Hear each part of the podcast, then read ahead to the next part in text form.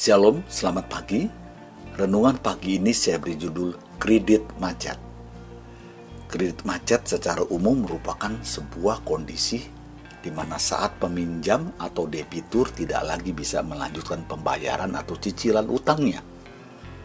Dan hal itu bisa saja terjadi karena peminjam atau debitur tidak lagi memiliki dana cukup atau sedang mengalami pailit. Kredit macet adalah hal yang bisa saja terjadi di saat-saat ini. Semua sedang mengalami penurunan pendapatan, sementara keperluan hidup harus dicukupi.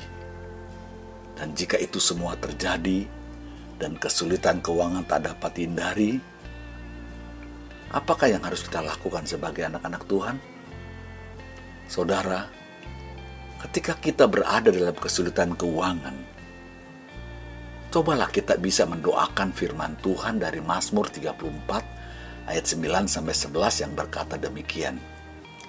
Kecaplah dan lihatlah betapa baiknya Tuhan itu.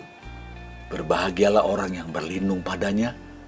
Takutlah akan Tuhan, hai orang-orangnya yang kudus, sebab tidak berkekurangan orang yang takut akan dia. Singa-singa muda merana kelaparan, tetapi orang-orang yang mencari Tuhan tidak kekurangan sesuatu pun yang baik. Apa maksud dari ayat-ayat tersebut? Saudaraku, Mazmur 34 ayat 9 sampai 11 tentu saja hanya dapat dipahami yaitu dengan mengerti maksud Daud menciptakan Mazmur 34 ini. Daud memulai Mazmur ini dengan suatu ikrar untuk memuji Tuhan dalam setiap kesempatan dan berbagai keadaan. Ayat 2 berkata, Aku hendak memuji Tuhan pada segala waktu. Puji-pujian kepadanya tetap di dalam mulutku. Ya, Daud berjanji untuk memujinya tanpa henti. Saudaraku, Paulus juga menekankan bahwa kita harus berdoa dengan konsekuen dalam berbagai situasi kehidupan kita. 1 Tesalonika 5 ayat 17 berkata, tetaplah berdoa. Tuhan adalah subjek dari pujiannya. Daud memuji Tuhan karena pengalaman pribadinya bahwa Tuhan sebagai penyedia dan pelindungnya. Dari pengalaman pribadinya itulah, Daud pun mengajak orang-orang lain untuk juga mengalami kebaikan Tuhan sebagai penyedia dan pelindung mereka. Mereka diajak untuk juga menikmati kebaikan Tuhan Ayat 9 berkata, Kecaplah dan lihatlah betapa baiknya Tuhan itu. Berbahagialah orang-orang yang berlindung padanya. Kebaikan Tuhan adalah perlindungannya dan persediaannya. Karena itu orang-orang yang diajak untuk menikmati berkat-berkat Tuhan itu adalah orang-orang yang mau berlindung kepadanya. Dan mereka yang berlindung kepada Tuhan itu berarti orang yang kuat atau orang yang berkuasa orang yang kuat atau berkuasa dalam istilah bahasa Ibrani-nya adalah geber.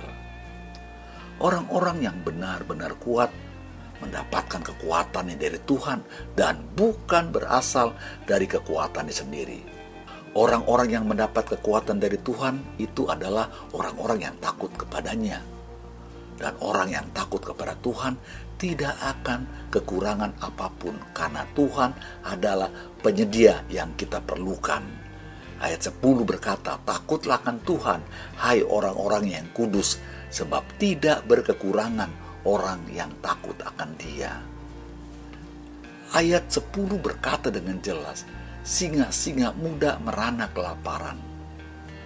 Tetapi orang-orang yang mencari Tuhan tidak berkekurangan sesuatu pun yang baik. Singa-singa muda merana kelaparan menggambarkan orang-orang yang kuat yang mengandalkan kekuatannya sendiri dan tidak mempercayai Allah. Orang-orang kuat yang mengandalkan kekuatan sendiri akan menderita. Tetapi orang yang mencari Tuhan akan senantiasa tegak dan tidak lemah karena tidak akan kekurangan sesuatu pun yang baik dari Tuhan. Mungkin kita masih bertanya, bagaimana kita bisa mengalami pelepasan dari persoalan keuangan yang merupakan sarana untuk menopang kehidupan kita? Jawabannya ialah kita harus tetap takut akan Tuhan di tengah kesesakan karena diterpa persoalan keuangan. Takut akan Tuhan berarti tetap hidup secara konsisten sesuai dengan karakter Tuhan dan perintah-perintahnya. Orang yang takut akan Tuhan adalah orang yang benar. Takut akan Tuhan menyangkut dua hal, yaitu tindakan dan sikap. Tindakan, tindakan takut akan Tuhan adalah suatu perilaku yang nyata, yaitu dalam keadaan terpuruk dalam keuangan, kita harus tetap tidak berdusta dan tetap mengejar damai sejahtera. Dalam ayat 14 dan 15, jagalah lidahmu terhadap yang jahat dan bibirmu terhadap ucapan-ucapan menipu. Jauhilah yang jahat dan lakukanlah yang baik.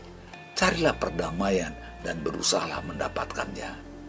Intinya adalah bahwa kita menjauhi yang jahat dan tetap melakukan hal-hal yang baik.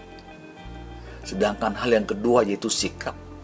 Sikap kita pun ialah sikap takut akan Tuhan.